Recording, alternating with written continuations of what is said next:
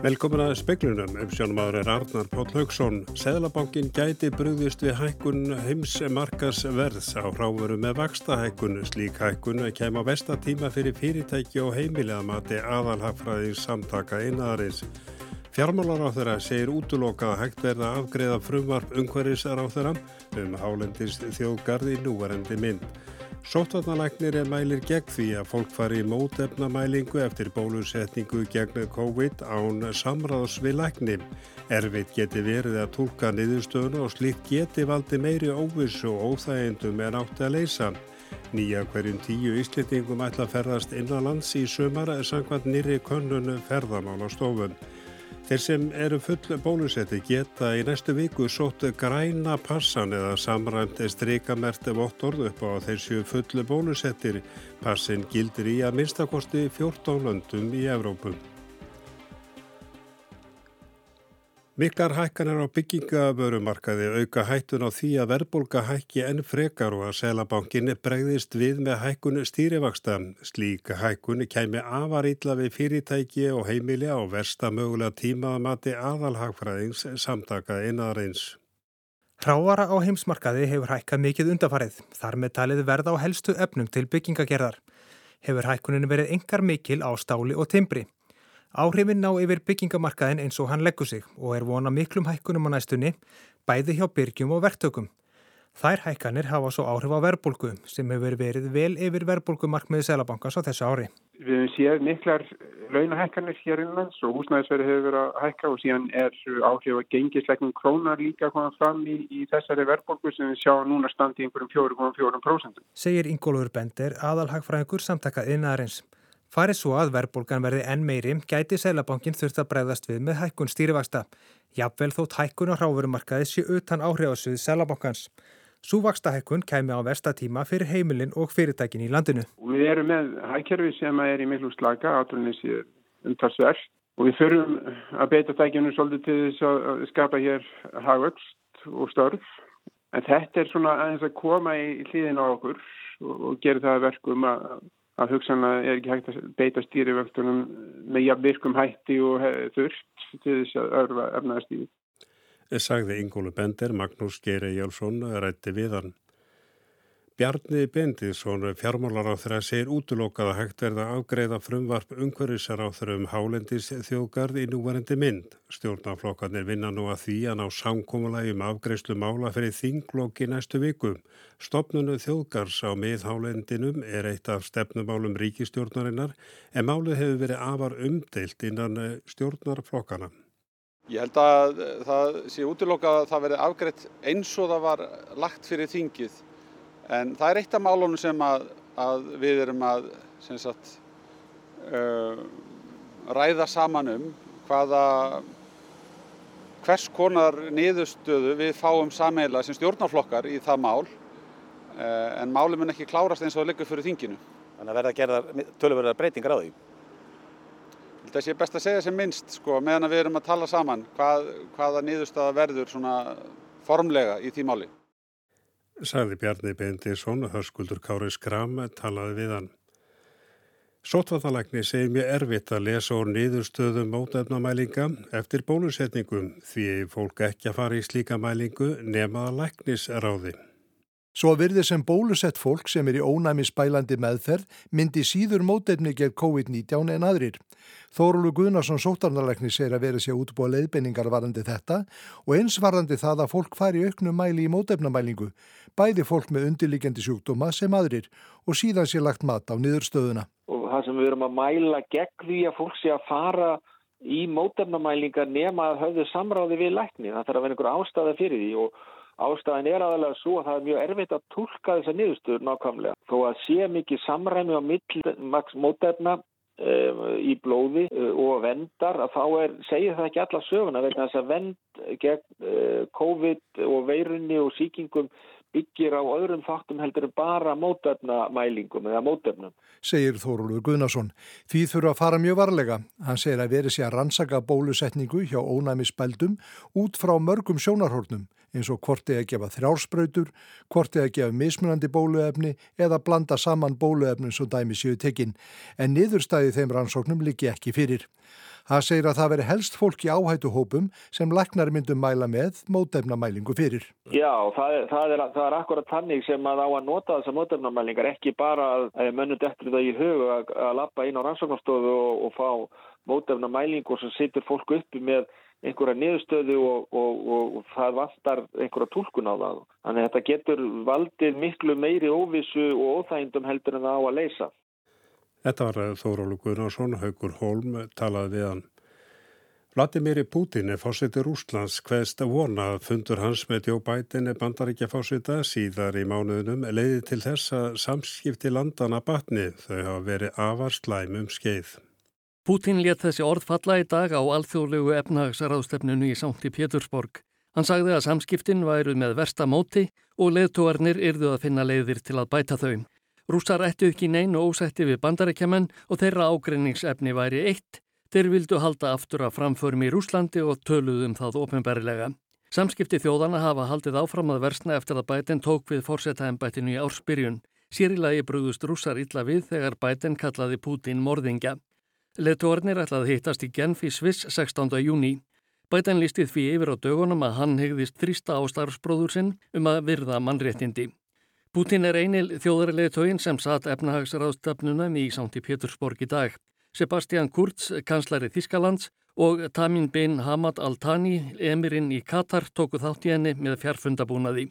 Í setningaræðinni hrósaði Putin löndum sínum fyrir að hafa brúðist vel við erfiðleikonum af völdum COVID-19 faraldursins og hvatti þá sem ennega eftir að láta bólusetja sig til að láta verða aft því sem fyrst.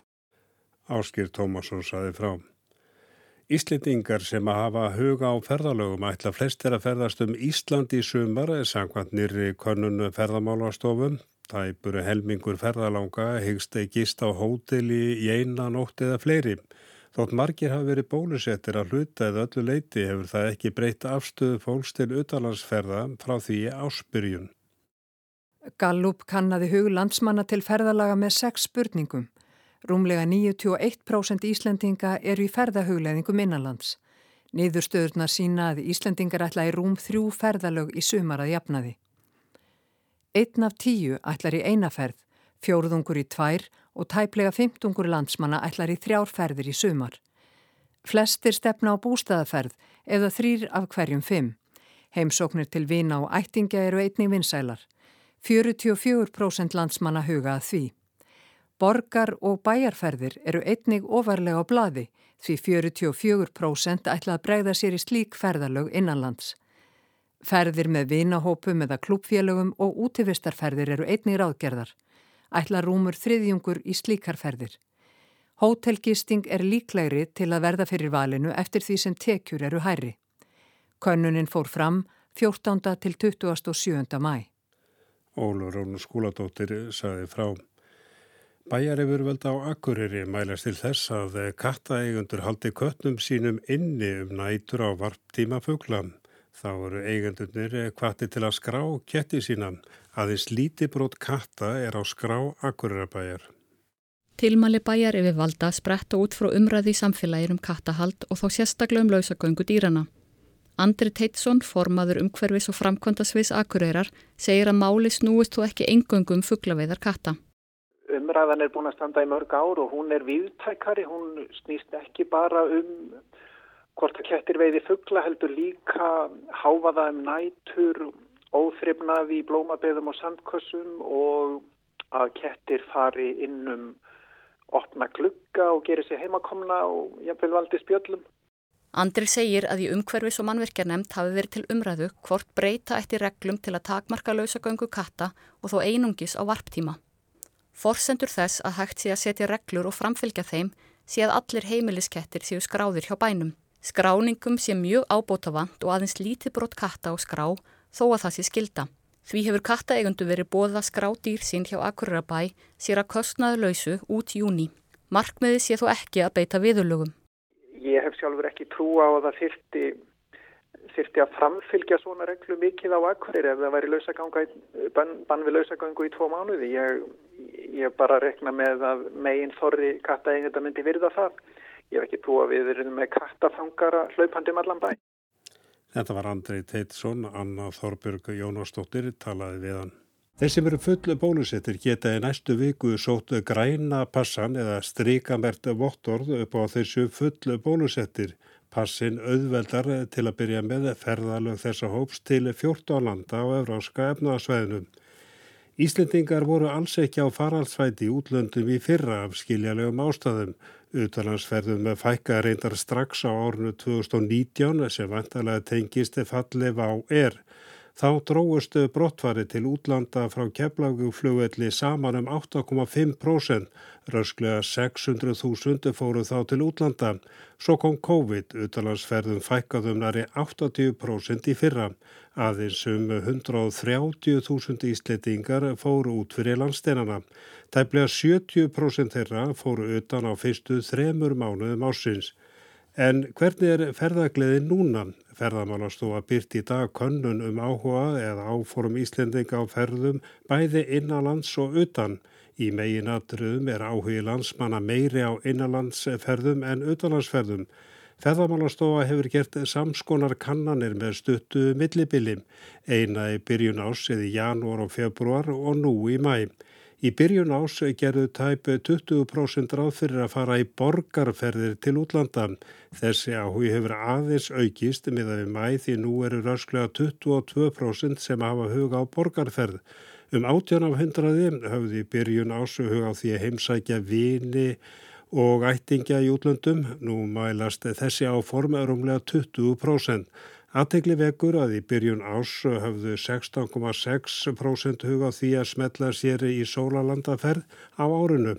Í konunni sem byrt var í dag og gerði mæm er þessi tala svipuð eða 15,9% og segja má að konunin mælin er sama áhuga á í byrjun ás á utalansferðum því skekkjumörkin eru vel yfir 2%.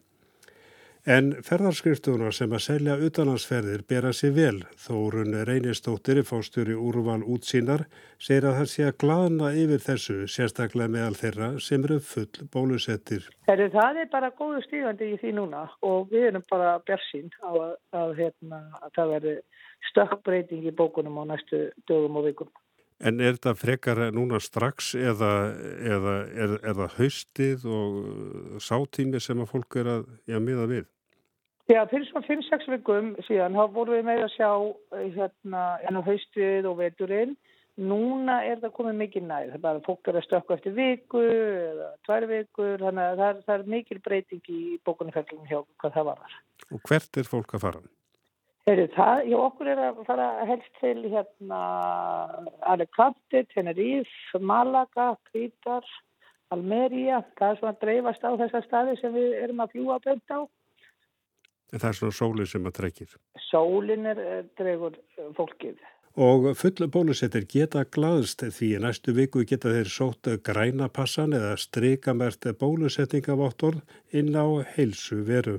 Það verður í næstu viku þá verður farið að gefa út þessi vottorð sem eru í heilsu veru þar sem fólk getur sótt sér sjálft. Þau verða þá með þessum QR-kóðum á sem verður þá aðveldara fyrir fólk að fá þetta svona skannaða í öðrum löndum þar sem að það, sem að það fer að fara.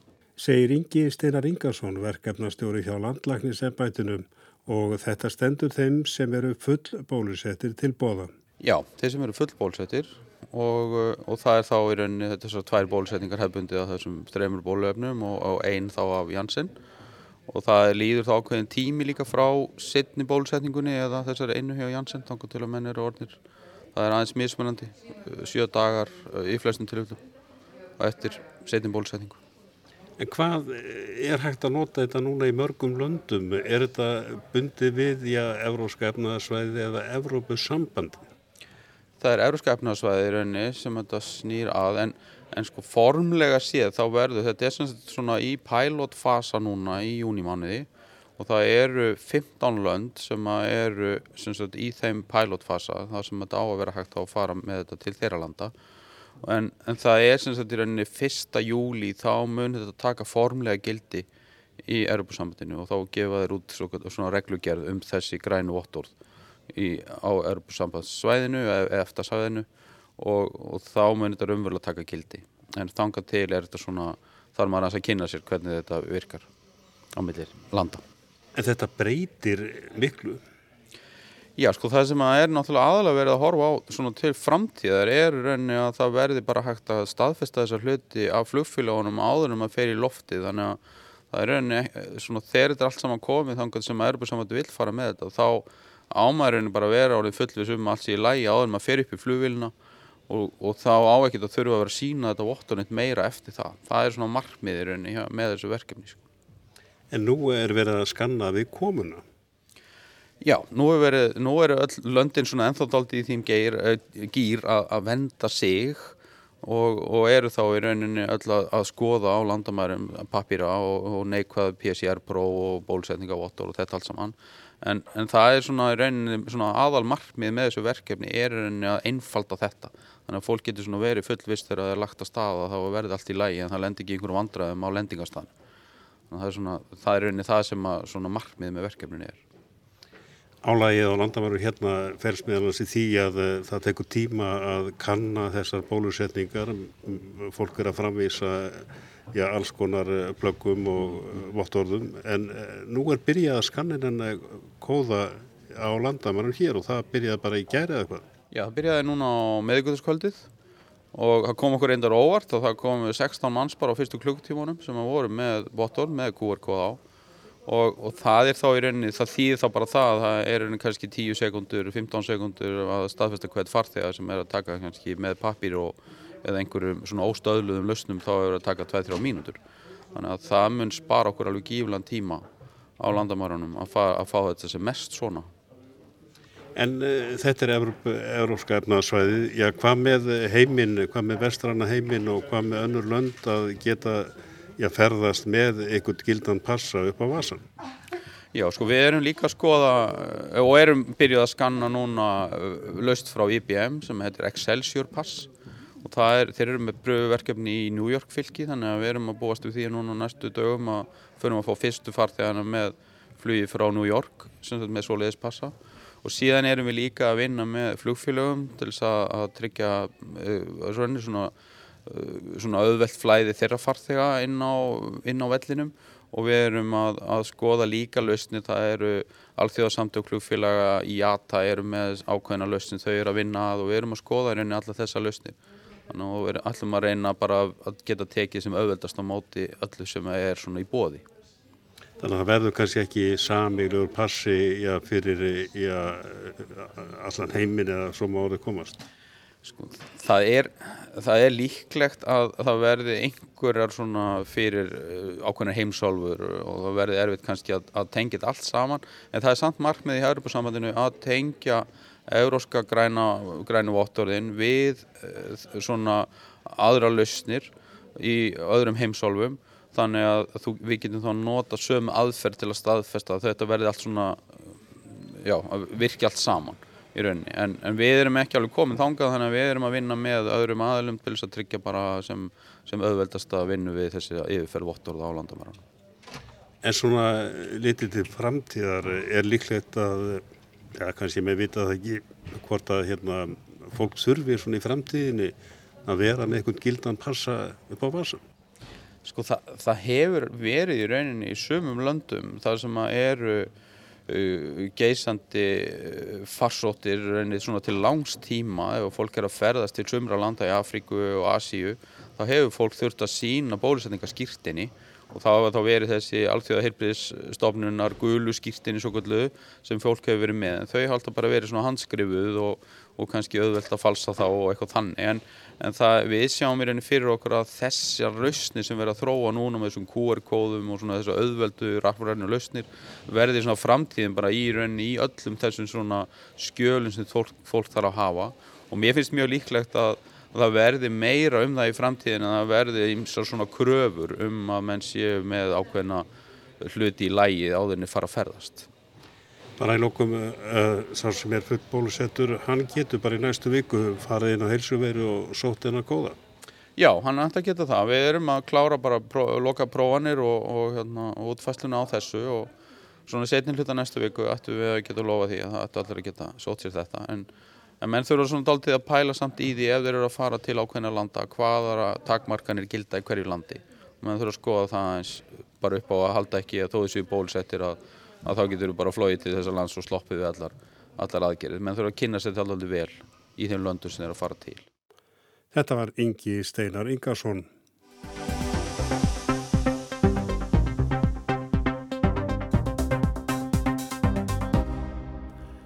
Heilbreyðiskerfið er fast í vítarhing þess að ekki rægt að fjölga hjókunarfræðinemum þar sem spítala, spítalarnir get ekki tekið við fleirum í verknám. Undanfarið hefur tekist að fjölga nemum en það tekur mörg ára að útskrifa nægilega marga hjókunarfræðinga til að hægt sé að manna heilbreyðiskerfið eins og æskilegt er, segir Herdi Sveinstóttir, deildastjóri hjókunarfræði deildar Háskóla Íslands. Á tíunda áratug síðustu aldar að þá var félag íslenskra hjókunarfræðinga að byrja á því að gera útæktir og skýslur og spá fyrir um vöndun hjókunarfræðinga. Viðvörunar bjöllurnar hafa sem sagt ómað í 30 ár hið minsta. Og þetta kannast allir við. Þjóðin eldist, okkur fjölgar, kröfur aukast, vaktavinna áratugum saman er líjandi, óanægja með starfskjör, hluti hjúkurnafræðinga fyrir önnur störf, þetta hafa allir heyrt. En á hverju ári sækjast samt fleiri eftir því að læra hjúgrunn en komast inn í námið. Enda er starfið ótrúlega fjölbreytilegt og þetta segjað starfsöryggi sé mikið. Og ef að það vantar alltaf hjúgrunnafræðinga og margir vilja læra hjúgrunnafræði, af hverju eru fjöldatakmarkanir í námið? Af hverju þurfa nefnendur að þreita samkeppnispróf til að komast í gegnum hinn allræmda númerus klásus? Ástæðin fyrir klásus er að sjálfsögðu skortur á klíniskum plásum á sjúgrósunum. Hér glýmum við samsagt við vítarhing. Það er ekki hægt að taka við fleiri nefndum af því að það vantar hjúgrunafræðinga inn á sjúkrahúsin til að uppfræða nefndur í klínisku námi, þar að segja í verknámi. Og það sem meira er, það vantar framhaldsmentaða hjúgrunafræðinga til að kenna við háskólan öðrum hjúgrunafræðingum sem sækja sér framhaldsmentun. Í gegnum tíðina hafa verið skrifaðar allmargar skýrslur um þetta. Einn kom út í apríli fyrra var unnin fyrir heilbreyðisráðunitið og ber heitið Tillegur til fjölgunar útskrifaðara hjógrunafræðinga. Þar kemur fram að í desember 2019 hafi 118 manns þreytt samkeppnisprófi hjógrunafræði við Háskólan og Akureyri til að komast að á vormisseri 2020. 78 nefndur náðu öllum prófunum með góðum árangri. Það ár var aðeins hægt að bjóða 56 nefnum pláss á vormisseri vegna aðgangstakmarkana. 22 komust ekki að þrátt fyrir að standa sig vel. Í sama mánuði reyndu 175 við samkeppnispróf í hjúgrun við Háskóla Íslands. 120 pláss voru í bóði, 122 uppfyldu skilirði. Það komust ekki að tveir sem að þó hafðu staðið sig vel. Hjúgrunfræði er kendi þessum tveimur háskólum á Íslandi. Í skýrslu Ríkisendurskoðunar frá 2017 um mönnun, mentun og starfsumhverfi hjúgrunafræðinga kemur fram að námi hjúgrunafræði og akureyri hafi skipt sköpum um bætta mönnun á landsbyðinni og valdið algjörum viðsnúningi í mönnun á sjúkrahúsinu og akureyri. Og í skýrslunni frá í fyrra segir að fjöldi starfsmanna við háskólana sé þegar í lánmarki miða við núverandi nefndafjölda og að við óbreyttar aðstæður sé frekari fjölgun nefnda, ekki möguleg. Hjúgrunafræðild Háskóla Íslands fekk heimil til að prófa að fjölga nefndum í grunnámi upp í 130 frá og með yfirstandandi vormisseri. Landspítalinn sem fer yfir allar tilugur um námsplás settir þann fyrirvara að breyta þyrti skipulegi á klíniska náminu ef að spítalinn ætti að ráða við þennan nefndafjölda þegar hann væri komin á þriðja og fjórða námsár. Og hvernig skildi þetta nú líta útherdis? Núna í haust verða það 120. Við vorum með 130 sem við tókum inn í fyrra og það er í fyrsta sinn í sögunu sem við höfum tekið inn það marga hér og þá er ég að tala um grunnámið í BS náminu. Máli er það að við erum bara búin við það er ábáslega góða aðstæður að það hefur ekki orðið neitt brottfall hjá okkur undan fyrir tvö ár. Við vorum í svo kallu aðpróf nokkur ár þar á undan og þar var brottfalli mjög mikið. Þannig ástæðan fyrir því að við fórum upp í þessa tölu var að því við reiknaðum bara með brottfalli og, en það var það ekki. Þannig að við erum aftur komin í tölunum 120 sem við munum taka inn næstkomandi höst. Við erum líka að taka inn nefnendur þar sé fólk sem hefur lokið öðru háskólaprófið þegar og það eru núna 22 nefnendur í, námi hjá okkur og við tökum inn 20, það er reynda takmarkið eru 20. Við tókum reyndar inn alla í fyrra sem sóttu en það eru mun fleiri að sækja um núna þannig að það verða bara teknir inn 20 og það, við erum að auka útskriftinir að verða þá eftir 3-4 ár verða þetta hátt í 150 mann sem er að klára. Síðan bætast nefnar frá háskólanum á Akureyri við. Tökum þetta saman. Um 120 koma staði grunnnámi í hjógrunafræði í Háskóla Íslands. Um 20 koma staði hjógrunafræði fyrir þá sem hafa annað háskólapróf og um 75 koma staði grunnnámi í hjógrunafræði við Háskólan og Akureyri. Það eitt að skila um 215 nýjum hjógrunafræðingum á ári hverju. Umtalsvert fleiri en þeim 110 til 140 sem hafa útskrifast frá báðum skólum síðustu ár. En dyr þessi fjölkun til? Ég held að við verðum bara að skoða spár til þess að segja fyrir um það. Þegar við erum búin að taka þennan fjölda inn að þá vonum við það náttúrulega að það dugir til. En, en ef við ætlum að vera með þá mönnun sem er æskileg þá þarf nú dágóð nokkur ár til þess að við getum náð því markmiði. Skoða spár segir Herdís. Speilin fann einu mannablasbána um heilbreyðiskerfið sem virðist hafi verið gerð fyrir ríkið. Hanna gerði Hagfræðistofnun Háskóli Íslands árið 2006 og svo spá nær aðeins til 2020, lítigagnið því. Í kjara samningum 17 aðeldafélaga BHM við ríkið sem gerðir voru árið 2018 var undirrituð yfirlýsingum að ráðast erði í áttak til að gera mannabla spár fyrir heilbreyðskerfið til næstu 5-10 ára. Engar mannabla spár virðastamt vera til en nú hefur verið sett á lakirnar svo kallað landsráð sem á að skila heilbreyðisráð þar að tillögum árlega um mönnun og mentun í heilbreyðisjónustu. Ráðið hittist í fyrsta sinni í næstu viku. En aftur að hjógrunafræðinni. Nýja námið er þess aðlis að fólk sem hefur lokið háskólaprófur öðrum greinum en hjógrun kemst í hjógrun án þess að taka samkeppnispróf og getur lokið náminu á tveimur árum, auk undirbúningsáfanga í ákveðnum greinum ef þörf krefur. Og þar sem fyrirkomulegið er aðeins öðruvísi í því námi er hægt að nýta spítalan betur til kjenslu. Þeir eru í klínisku námi á Sifrin, þeir eru í klínisku námi alveg upp undir jól, þeir eru í klínisku námi þegar aðri nefndur eru í prófum. Eru, þannig að við erum að nota tímabil sem við erum almennt ekki að nota fyrir grunnnefndunar og líka tímabil þar sem það er ekki hægt að hafa mjög marga nefndur að því að það hægist svo starfsemi stopnuna á þessum tímum þannig að við getum bara haft færri Nú sumir það er erfiðara að reyka, ég meina grunnám er háð ákveðnum reglum sem við verðum að fylgja. Við fengum undan þá frá þessum reglum til þess að láta nefndurnar sem er í þessu sérskipulaða námi vin, vera í námi á sumrin á eh, tímabilinu sem eru kannski ekki alveg skilgrind sem hefðbundin tímabil í háskólanum. Þannig að það þurfti að fá heimilt fyrir því þannig að þetta er aðeins öðruvísi og hérna og þarna fengum við svona smá komar sér púla fólki sem við getum líka sótt til. Allstaðar erlendis hefur komið í ljósa þessir einstaklingar þegar þeir útskrifa standa sem mjög vel í starfi í, og þeir sækja langt flestir í klínisk störf. Undanfarna áratugji hefur ellendum hjúgrunafræðingum fjölgað hérlendis sem hefur hjálpað upp á með mönnun. Réttar er nefna fjölda hjúgrunafræðinga frá Filipsegjum þar sem að námið þykir afar gott og hjúgrunafræðingarnir þaðan eru eftirsóttir starfskraftar víða um heim. Í ennetni skýrslunni, svo heitir mönnun hjúgrunafræðinga og kom út í ágúst í fyrra, er benda á að í einhverjum tilvikum sé komið að þólmörkum vegna tungumála örðuleika sem geti aukið álag og annað starfsfólk sem þarf að sinna þeim verkum sem krefjast flókina samskipta. Að auki hafi alþjóða helbreyðismálastofnunin bent á að það vanti hjúgrunafræðinga víða um heim og að hver þjóð þurfi á sínum mentaða mannskap að halda. Ragnhildur Talasjú sæði frá og talaði við Herdísi Sveinsdóttur og lítum aðeins til veðus. Það er spáð söðaustan kvassviðri undir eigafellum á morgun og á gósvaðin og Reykjanesi gert ráð fyrir söðaustan 10 til 18 með regningum og slæmu skikni á morgun. En við sögðum frá því í speklum í kvöld að Sælabankin gæti bröðist við hækkunu heims markasvers á ráveru með vaksta hækkun. Slík hækkunu kemur að versta tíma fyrir fyrirtæki og heimilega mati aðalhagfræðins samtaka einaðarins. Fjármálar á þeirra segir útlokað að hægt verða að afgreða frumvarp umhverfis á þeirra um að hálendis þjóðgarði í núvarendi mynd og sóttvarnalæknir mælir gegn því að fólk fari í mót efnamælingu eftir bólusetningu gegn COVID-19 án samráðs við lækni. Erfið geti verið að tólka niðurstöðuna og slíkt geti valdi meiri óvissu og óþægindum en átti að leysa.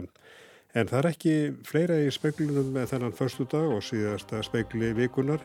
Tæknum aður í kvöld var Magnús Þorstein Magnússon, verið sæl og góða helgi.